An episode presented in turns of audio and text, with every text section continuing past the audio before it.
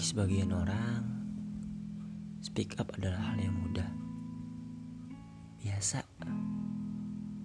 Tapi bagi gue, speak up adalah hal yang cukup sulit.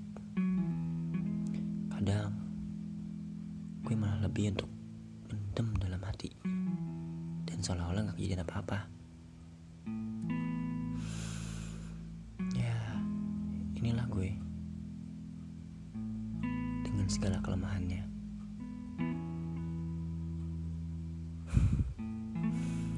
Kenalin nama gue Azmi. Dan selamat datang di podcast gue. Makasih